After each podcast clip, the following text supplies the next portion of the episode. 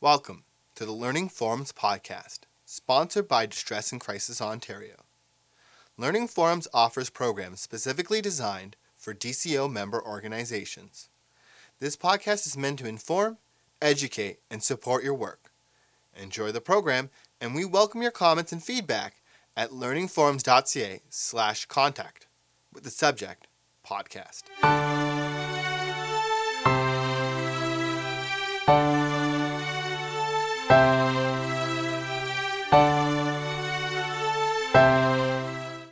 Hello, my name is Murray Huneau, and I'm from the Canadian Mental Health Association Durham.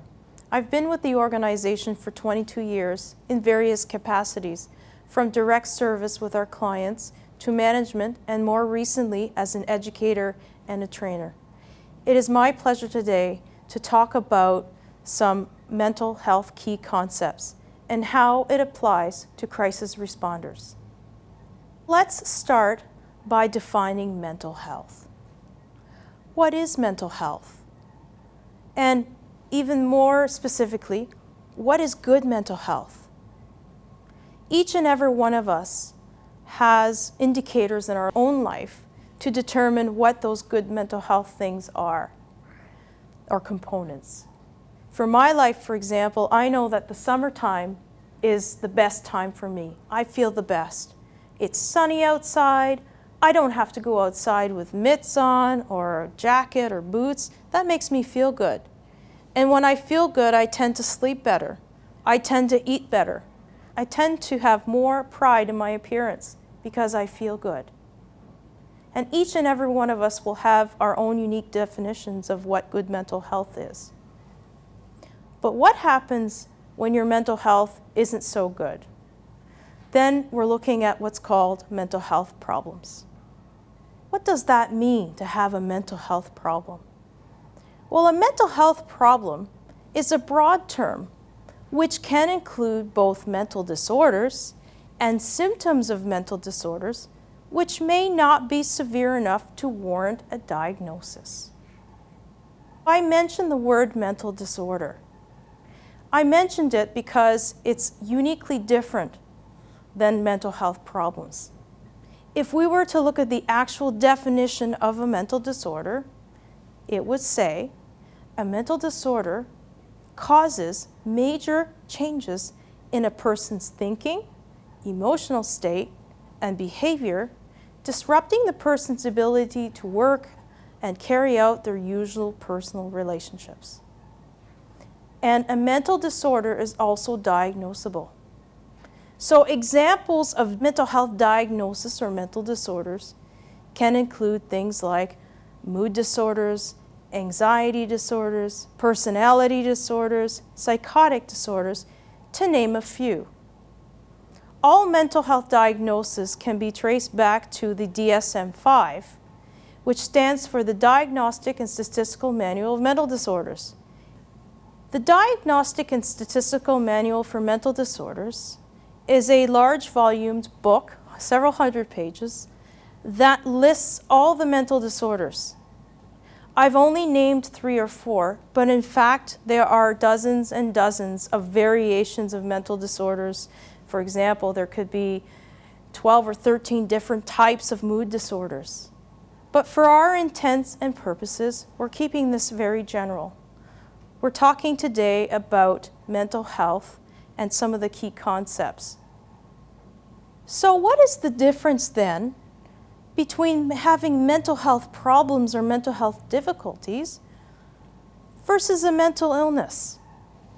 Well, there are three major differences when we're distinguishing between the two.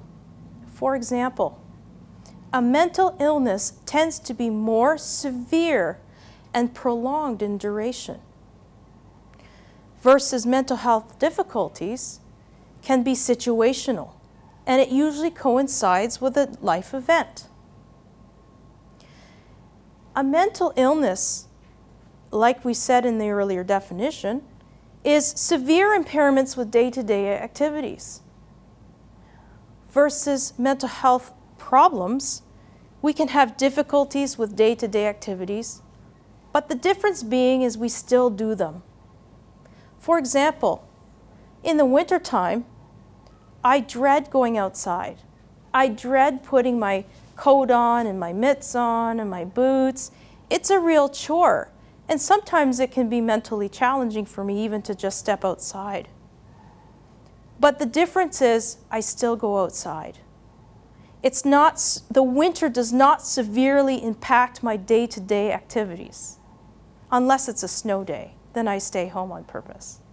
But the fact is, it has to be severe enough so that it's stopping you from doing your day to day things.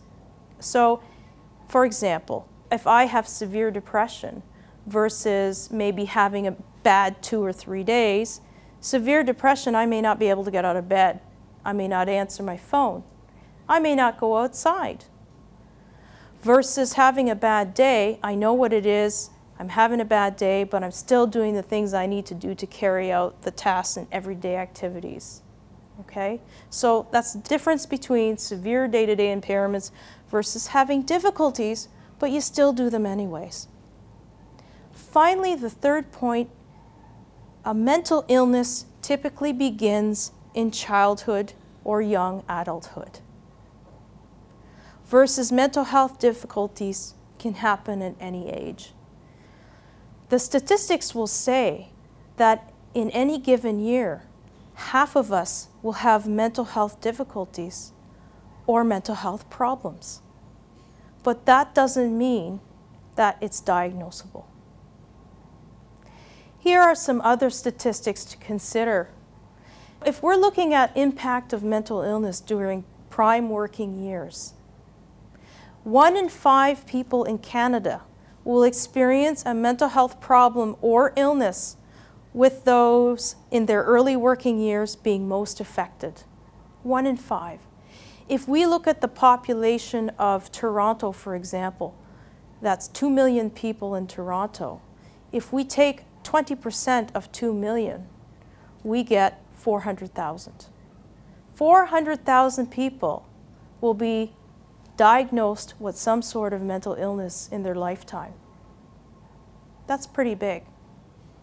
By age 35, about 50% of the population will have or have had a mental health problem. By age 35.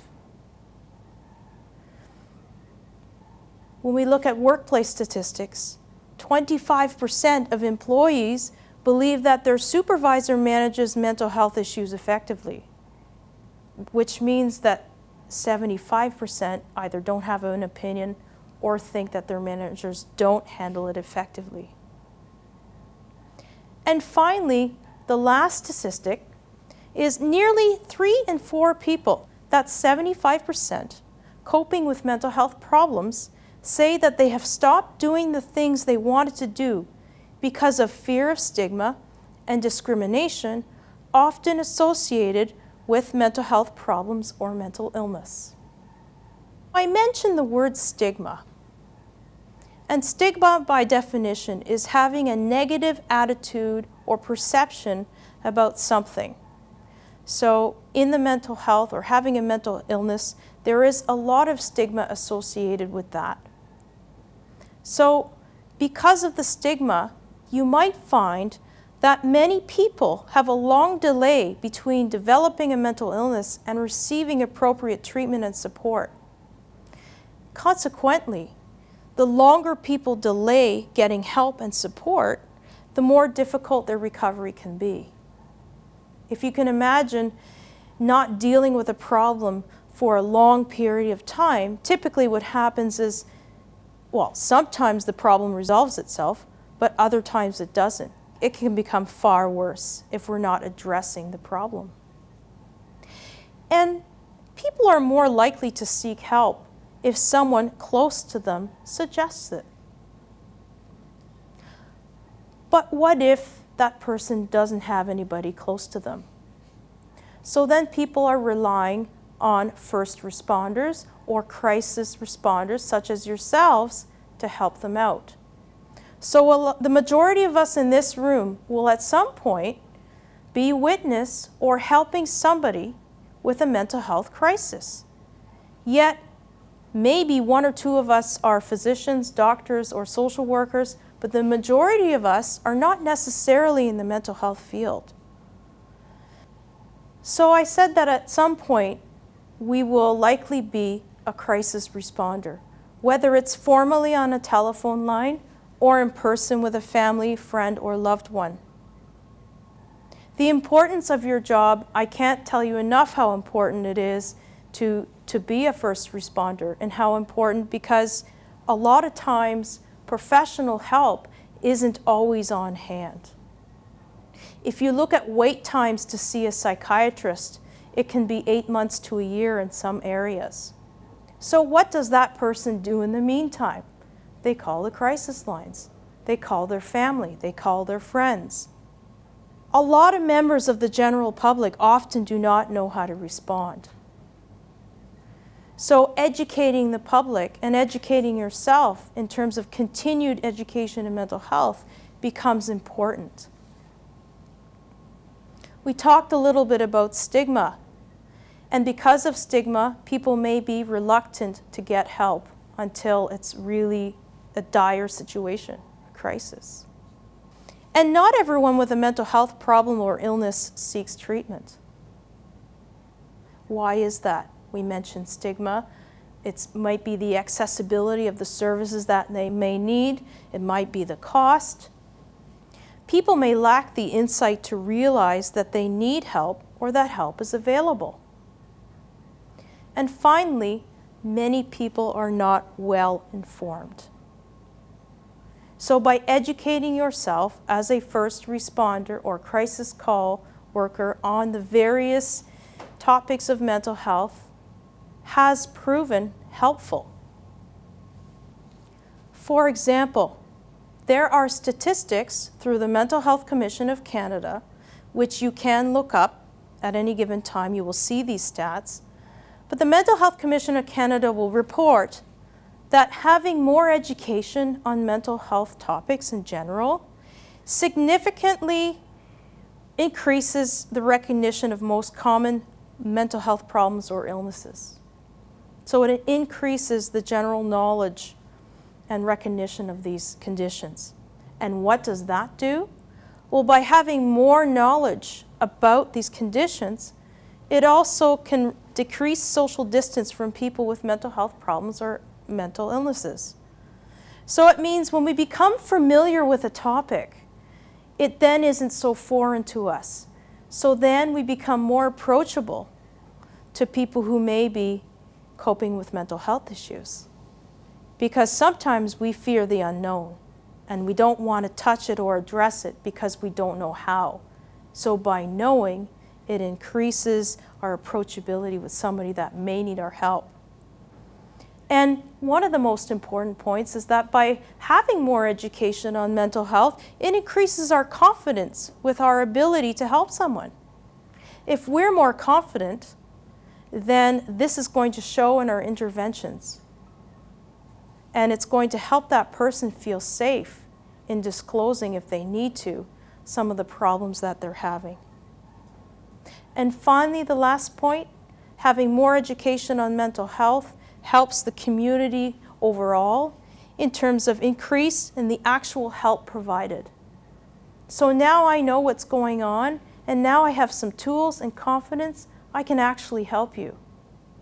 And I don't need to be a physician, a psychologist, a counselor to do this. I need a listening ear. And I need to know what some of those conditions are. So, knowledge about the more common mental health issues is one thing, but also being able to help a person at risk navigate the mental health system and the health system is even more of a bonus. So, I mentioned earlier that not everyone is aware of the type of help that's out there. So, there are typically three to four areas of the mental health community that people can get help with. The first one's the obvious, which as crisis call responders you might use a lot, and that's referral to emergency care in, an acute care setting. So we're talking about hospital emergency rooms, calling the police, ambulance, whether that's voluntary or involuntary. So that's the main one, the emergency acute one. But there's also psychiatric long term care facilities.